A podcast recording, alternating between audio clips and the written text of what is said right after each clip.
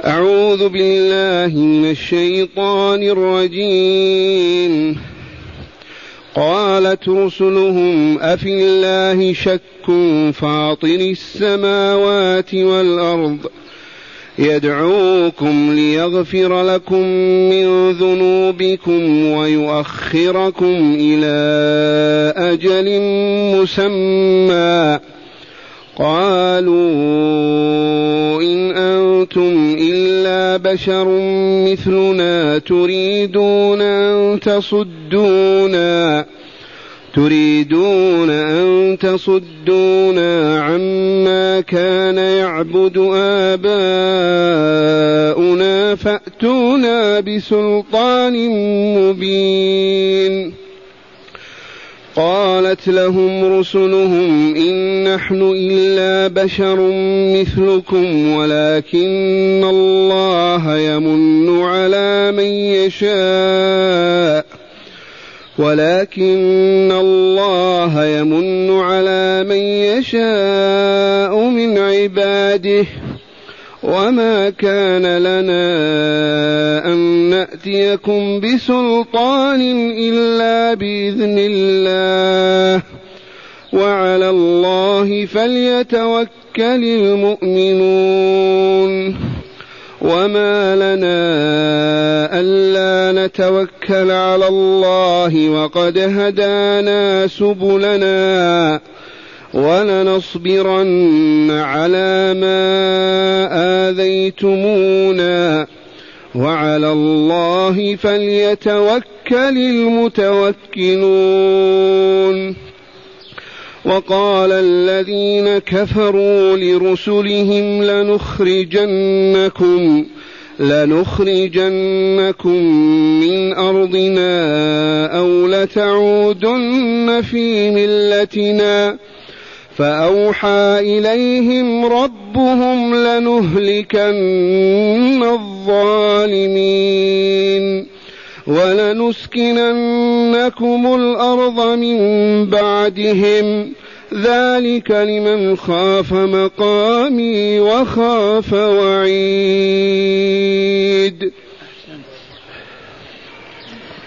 معاشر المستمعين والمستمعات من المؤمنين والمؤمنات. تقدم في السياق الكريم أن موسى عليه السلام ذكر بني إسرائيل بالأمم السابقة وما حل بالمكذبين والظالمين.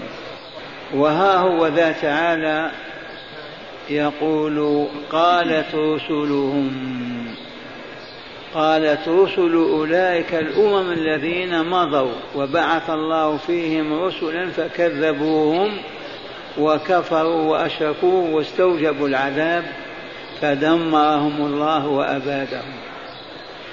قالت رسلهم أفي الله شك؟ والاستفهام هنا للنفي العام الكامل والله ليس في الله شك. كيف تشك في وجود الله وأنت موجود مخلوق وهو خالقك؟ كيف لا تنظر إلى السماء وما فوقك وإلى الأرض وما تحتك؟ من أوجد هذا الموجود يوجد بنفسه مستحيل. ولا إبرة توجد من نفسها. فكيف بالعوالم؟ فلهذا لا يشك أبدا إنسان في وجود الله عز وجل. ولكن شكوا في عبادته وحده. أشركوا في عبادته آلهة افتروها وأحدثوها وكذبوا بها. فينفي تعالى على لسان رسله هود وصالح وشعيب وموسى وهارون وعيسى والأنبياء والرسل. أفي الله شك فاطر السماوات والأرض. وفاطر بمعنى خالق على غير مثال سابق.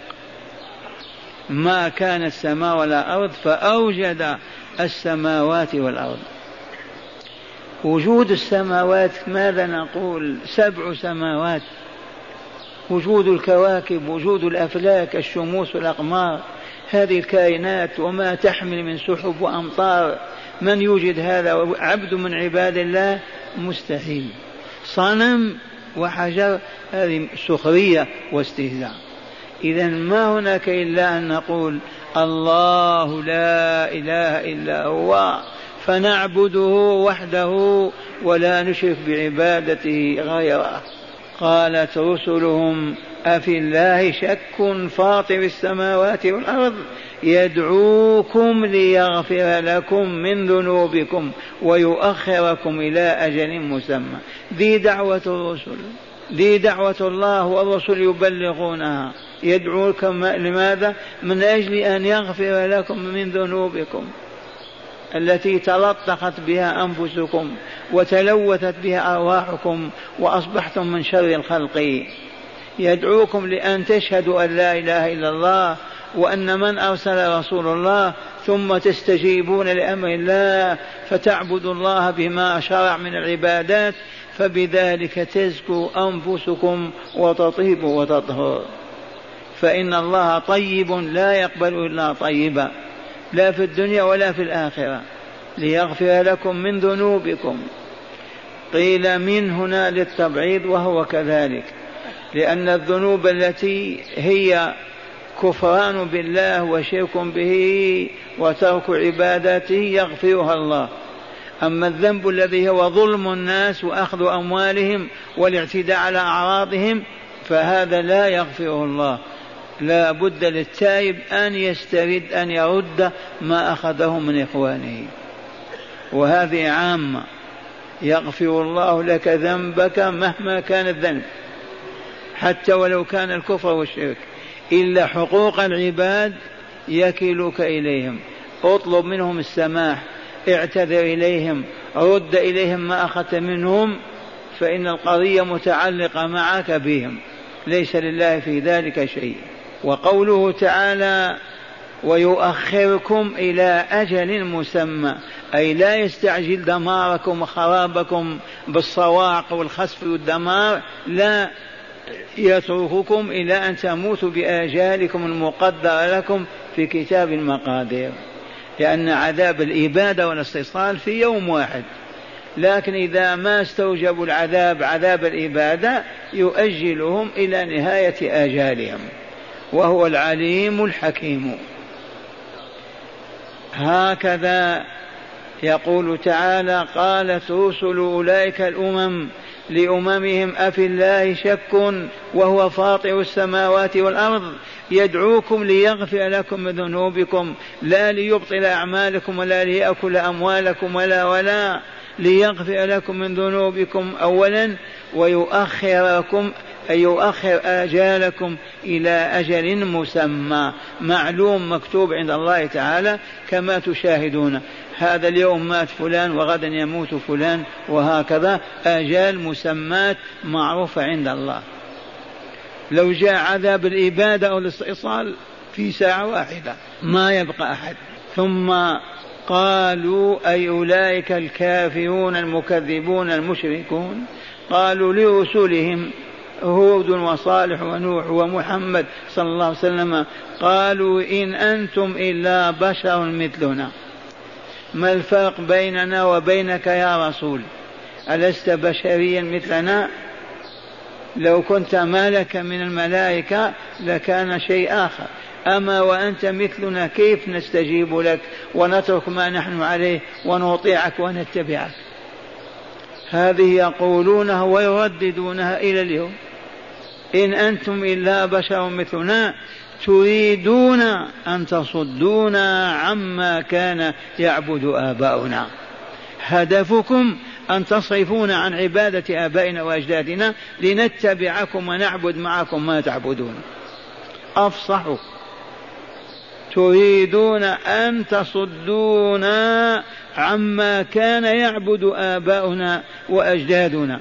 إذا فأتونا بسلطان مبين حجة ظاهرة كعصا موسى أو ما إلى ذلك بأنكم رسل الله والله أرسلكم.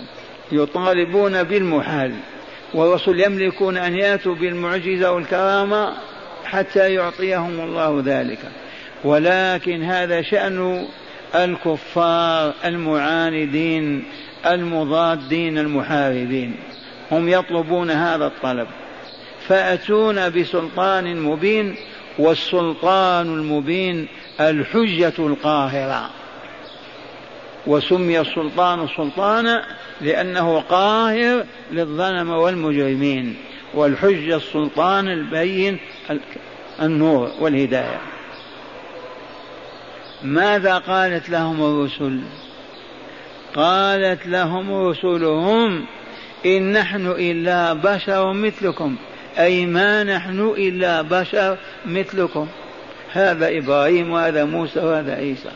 ما قلنا نحن ملائكة من السماء نزلنا. بشر مثلكم.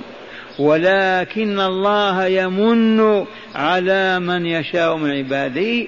فمن علينا بأن أرسلنا إليكم بعد أن طهرنا وصفانا وأعدنا وعلمنا وهدانا. هذا هو الفرق. ولكن الله يمن ويعطي ويهب من يشاء من عباده فمن علينا بالرسالة والوحي والنبوة.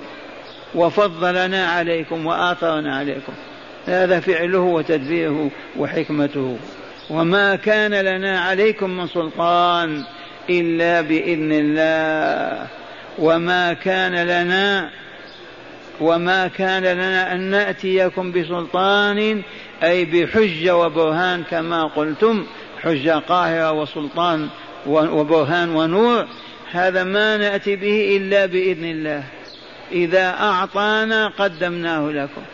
إذا آذن لنا فيه طلبناه واستعنا به عليكم. هذا ما هو شأننا حتى تقولوا ائتون بسلطان مبين. ما نملك هذا هذا يملكه الله. ورسالة ليست متوقفة على أن نأتيكم بالعجائز بالعجائب والبراهين. يكفي كتاب الله عز وجل ووحيه إليكم. وما كان لنا ليس من شأننا أن نأتيكم بسلطان أي بحجة قاهرة إلا بإذن الله.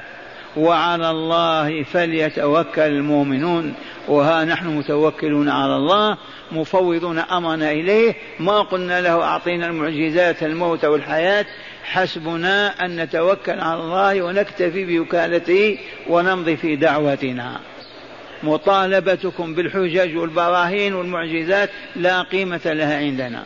ثم قال تعالى حكاية عنهم عن الرسل وما لنا ألا نتوكل على الله. أي شيء يمنعنا من أن نفوض أمرنا إلى الله ونمشي في طريقنا داعين إليه صابرين على أذى عباده.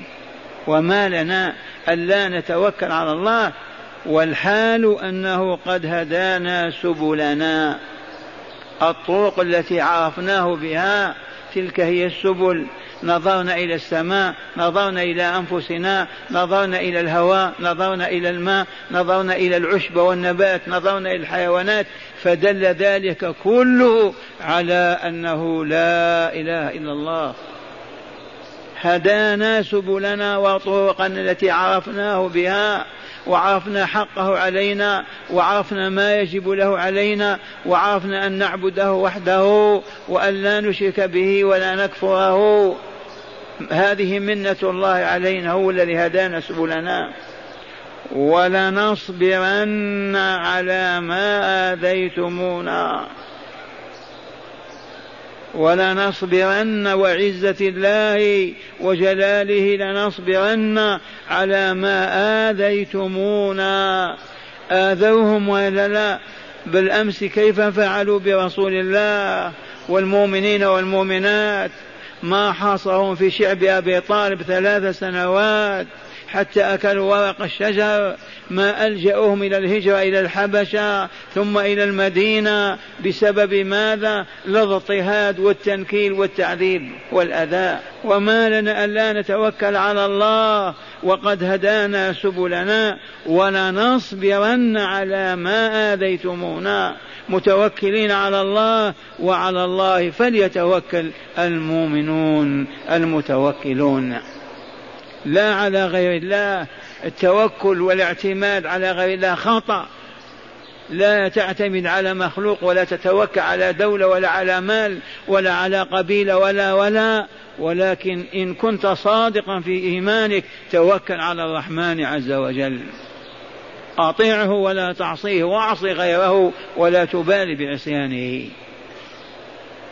هكذا كان المؤمنون أقليات مع الأنبياء والرسل أكثرهم مع محمد صلى الله عليه وسلم. أصبحنا منهم. وقال الذين كفروا لرسلهم لنخرجنكم من أرضنا. النفي الإبعاد إما أن تستجيبوا لدعوتنا وتمشوا معنا وتفعلوا ما نفعل وتقولوا ما نقول وإلا نخرجكم من البلاد. هذا هو النفي. ما حكموا على رسول الله بالنفي انعقد لهم مجلس وحضره إبليس في نادي من أندية المشركين واتفقوا على ماذا على قتله. لماذا؟ قالوا إن نفيناه يتكون مع عصابات جديدة ويهجمون علينا ويقاتلوننا.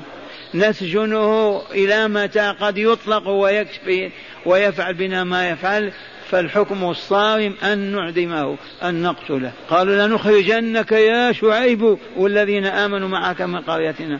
إلى الآن النفي لكن الحمد لله الآن ما في أبدا جماعة مؤمنة ولا قل مؤمن ولا عباد صالحون وحصل لهم ما حصل الأولين أبدا. في باريس في أمريكا في الصين في اليابان تعبد الله. ليس هناك من يلزمك بأن تشرك بالله ابدا. فكيف ببلاد المسلمين؟ قولوا الحمد لله. كانوا يعذبون ويضطهدون. الرسول يصلي حول البيت يأتون بسلاج زور ويضعون عليه الدماء والأوساخ ويضحكون ويسخرون.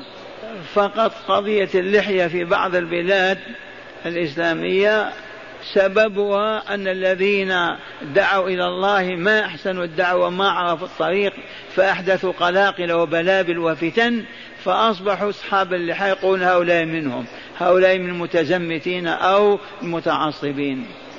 سبب ذلك الدعوة ما مضت في طريقها اختل نظامها فحدث هذا الذي حدث لا أقل ولا أكثر.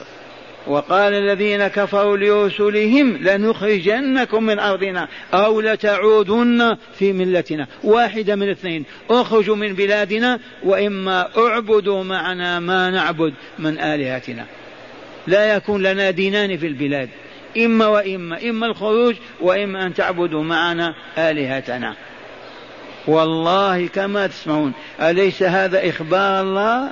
وقال الذين كفروا لرسلهم وأنبيائهم الذين أرسلهم الله إليهم ماذا قال لهم؟ وأتباعهم طبعا.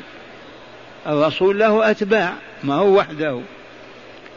وقال الذين كفروا لرسلهم لنخرجنكم من أرضنا أو لتعودن في ملتنا فأوحى إليهم ربهم.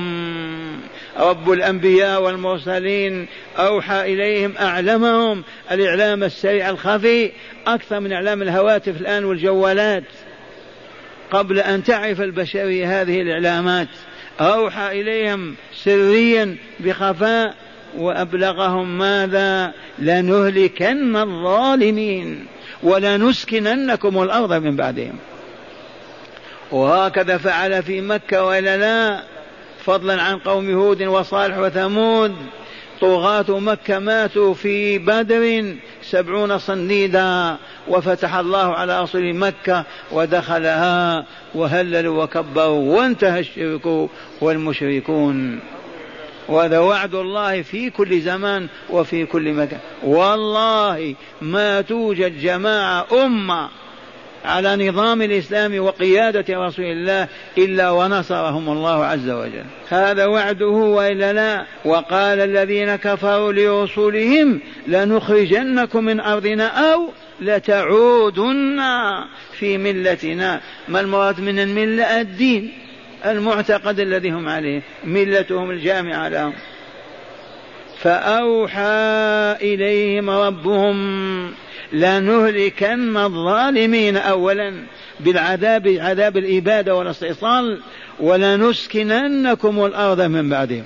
وفعل جل جلاله وعظم سلطانه. وأقبش إلينا مكة وما حولها. أسكن فيها رسول الله والمؤمنين وإلا لا.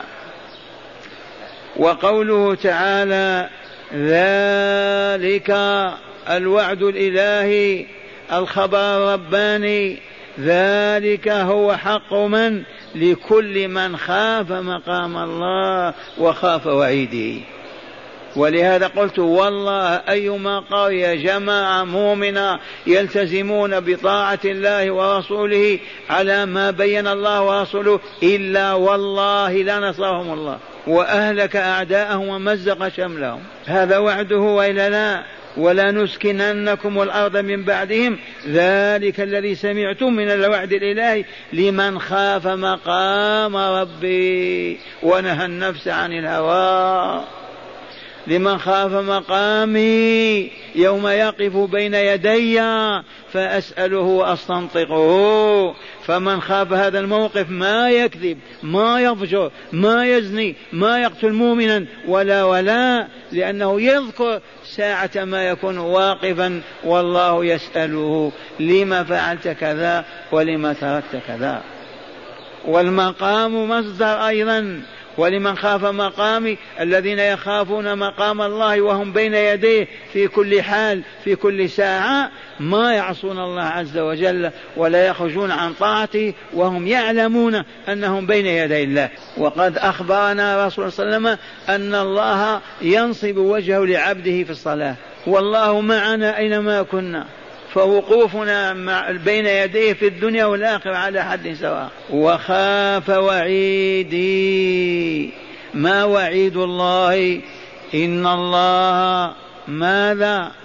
ماذا أعد للكافرين والمشركين؟ أعد لهم نار الجحيم أعد لهم جهنم وبئس المصير. ذاكم الوعيد الشديد الإلهي.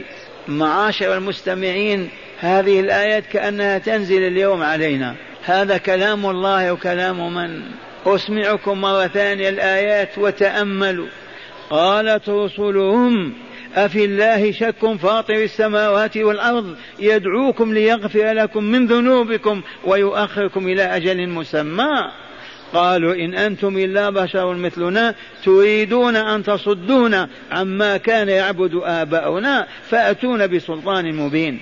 ماذا قالت لهم الرسل قالت لهم رسلهم إن نحن إلا بشر مثلكم. ما نملك أن نأتي بالعجائب والغرائب والمعجزات إلا إذا أعطانا الله عز وجل. لا تطالبوننا بهذا. ما نملك أن نحول السماء والأرض أو المطر أو السحاب.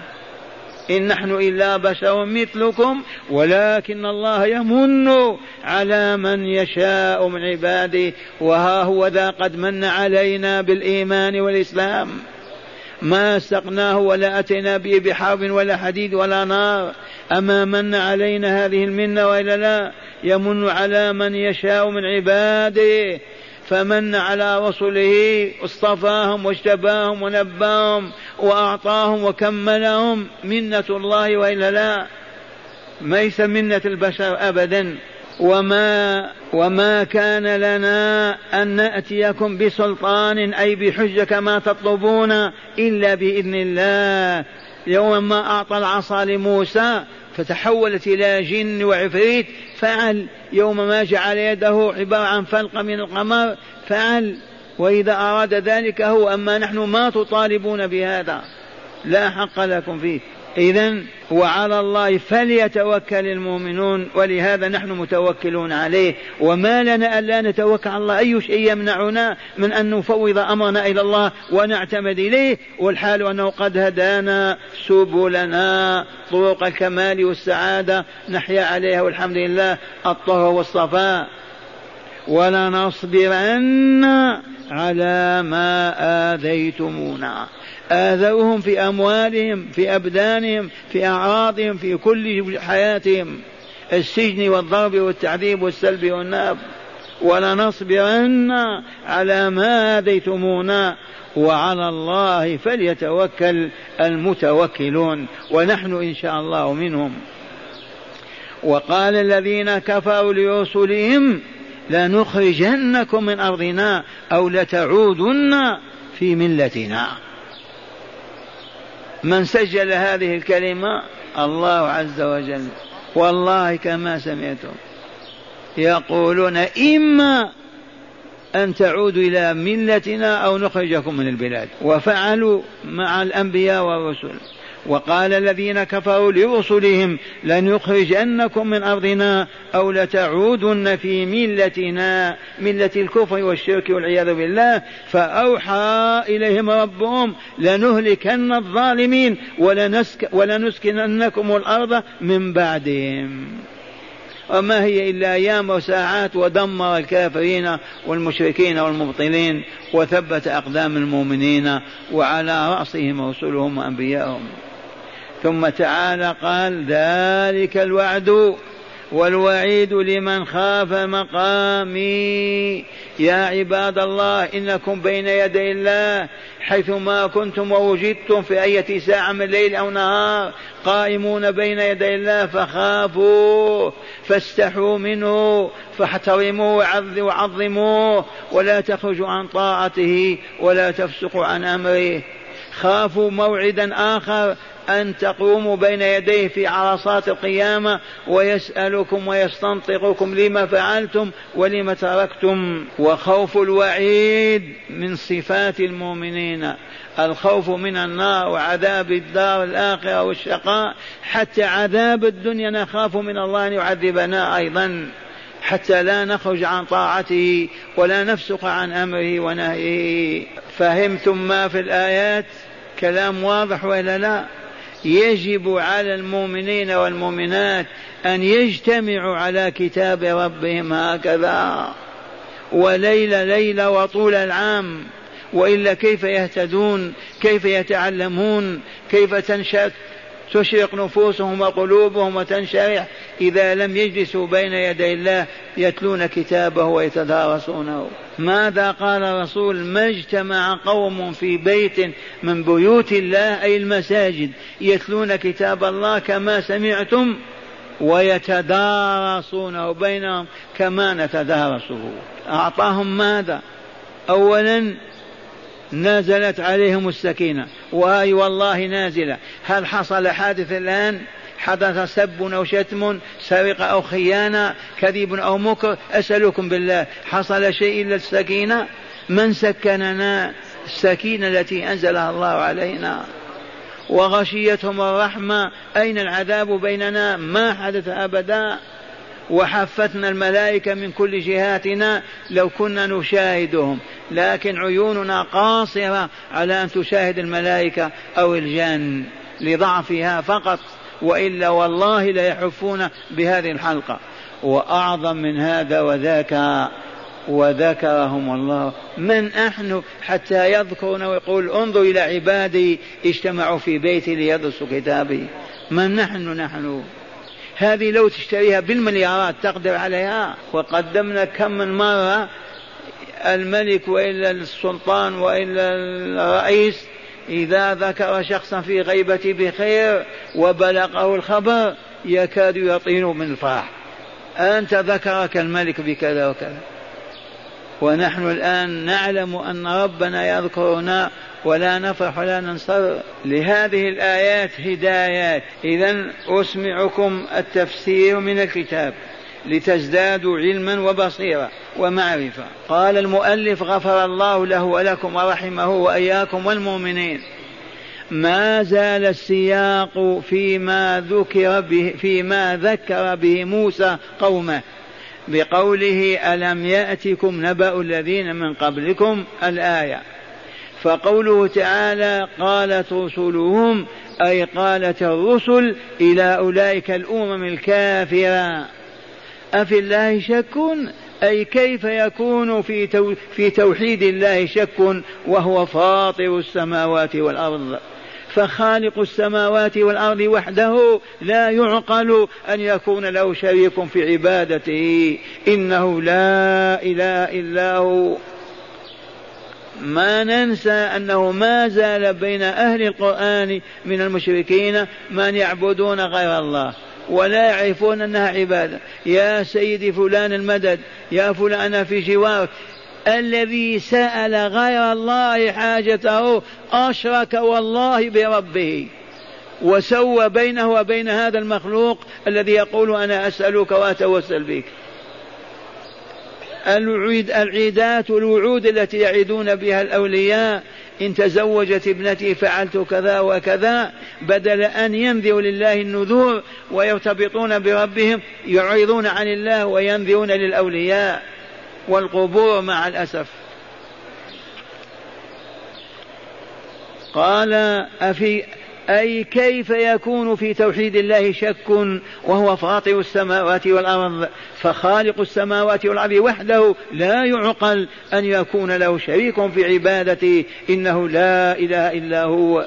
وقوله يدعوكم إلى الإيمان يدعوكم إلى الإيمان والعمل الصالح الخالي البعيد عن الشرك ليغفر لكم من ذنوبكم وهو كل ذنب بينكم وبين ربكم من كبائر الذنوب وصغائرها.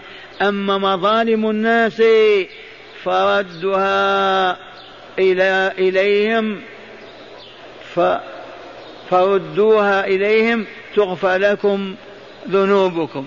قدمت لكم هذا. حقوق العباد ما يغفرها الله. أنت تتصل بإخوانك وأعطيهم حقوقهم. فردوها إليهم تغفر لكم. وقوله تعالى ويؤخركم إلى أجل مسمى أي يؤخر العذاب عنكم لتموتوا بآجالكم المقدرة لكم. وقوله وقوله قالوا أي قالت الأمم الكافرة قالت لرسلهم إن أنتم إلا بشر مثلنا أي ما أنتم إلا بشر مثلنا. تريدون أن تصدون أي تصرفون عما كان يعبد آباؤنا من آلهتنا في أصنامهم وأو أي في أصنامهم وأوثانهم التي يدعون أنها آلهة. وقولهم فأتون بسلطان مبين. قال الكافرون للرسل ائتون بسلطان مبين أي بحجة ظاهرة تدل على صدقكم أنكم رسل الله إلينا. فأحال فأج فأجابت الرسل قائلا ما أخبر تعالى به عنهم بقوله؟ قالت لهم رسلهم إن نحن إلا بشر مثلكم أي ما نحن إلا بشر مثلكم فما لا تستطيعونه أنتم لا نستطيعه نحن. أليس كذلك؟ ولكن الله يمن على من يشاء من عباده. أي إلا أن الله يمن على من يشاء بالنبوة فمن علينا بها فنحن ننبئكم بما أمرنا الله ربنا وربكم أن أن ننبئكم به كما نأمركم وندعوكم إلى كما نأمركم وندعوكم لا من تلقاء أنفسنا ولكن بما أمرنا أن نأمركم به ونعدكم وندعوكم إليه. وما كان لنا أن نأتيكم بسلطان إلا بإذن الله أي بإرادته وقدرته فهو ذو الإرادة التي لا تحد والقدرة التي لا يعجزها شيء. ولذا توكلنا عليه وحده وعليه فليتوكل المؤمنون وعليه فليتوكل المؤمنون فإنه يكفيهم كل ما يهمهم ثم قالت الرسل وهي تعظ أقوامها بما تقدم وما لنا ألا نتوكل على الله وقد هدانا سبلنا أي طرقنا التي عرفناه بها وعرفنا عظمته وعزة سلطانه فأي شيء يجعلنا لا نتوكل عليه وهو القوي العزيز ولنصبرن على ما آذيتمونا بألسنتكم وأيديكم متوكلين على الله حتى ينتقم الله تعالى لنا منكم. وعلى الله فليتوكل المتوكلون إذ هو الكافل لكل من يثق فيه ويفوض أمره إليه متوكلا عليه وحده دون سواه. وقوله تعالى وقال الذين كفروا لرسلهم لنخرجنكم من أرضنا أو لتعودن في ملتنا. هذا إخبار منه تعالى على ما قالت الأمم الكافرة لرسلها. قالوا موعدين مهددين بالنفي والإبعاد من البلاد لكل من يرغب عن دينهم ويعبد غير آلهتهم. لنخرجنكم من أرضنا أو لتعودن في ملتنا أي ديننا الذي نحن عليه. وهنا أوحى الله تعالى إلى رسله بما أخبر تعالى به. فأوحى إليهم ربهم لنهلكن الظالمين ولنسكننكم الأرض من بعدهم. قال لنهلكن الظالمين ولم يقل لنهلكنهم إشارة إلى علة الهلاك ألا وهي الظلم. الظلم الذي هو الشرك والإفساد ليكون ذلك عظة للعالمين. وقوله تعالى ذلك أي الاتجاه للمؤمنين والإنشاء للمؤمنين والإهلاك للظالمين جزاء لمن خاف مقامي أي الوقوف بين يدي يوم القيامة وخاف وعيدي على ألسنة رسلي بالعذاب لمن كفر بي وأشرك في عبادتي ومات على غير توبة. إلي من كفره وشركه وظلمه والعياذ بالله. ازددتم معرفة إن شاء الله. هيا مع هداية الآيات. وهل للآيات من هدايات؟ كل آية والقرآن فيه ستة آلاف ومئتين وأربعين آية. والله كل آية تدل على أنه لا إله إلا الله وأن محمدا رسول الله. والله العظيم. كل آية تدل على أنه لا إله إلا الله محمد رسول الله. ادخلوا في الإسلام. قال أولا بطلان الشك في وجود الرب وعلمه وقدرته وحكمته ووجوب عبادته وحده وذلك لكثرة الأدلة وقوة الحجج وسطوع البراهين. كم من مرة نقول قف هذا واقف. يا عبد الله تؤمن بالله؟ قال ما نؤمن. أين الله؟ نقول له أنت موجود أو غير موجود مخلوق وإلا لا؟ يقول أنا غير مخلوق هذا مجنون. أليس مجنونا؟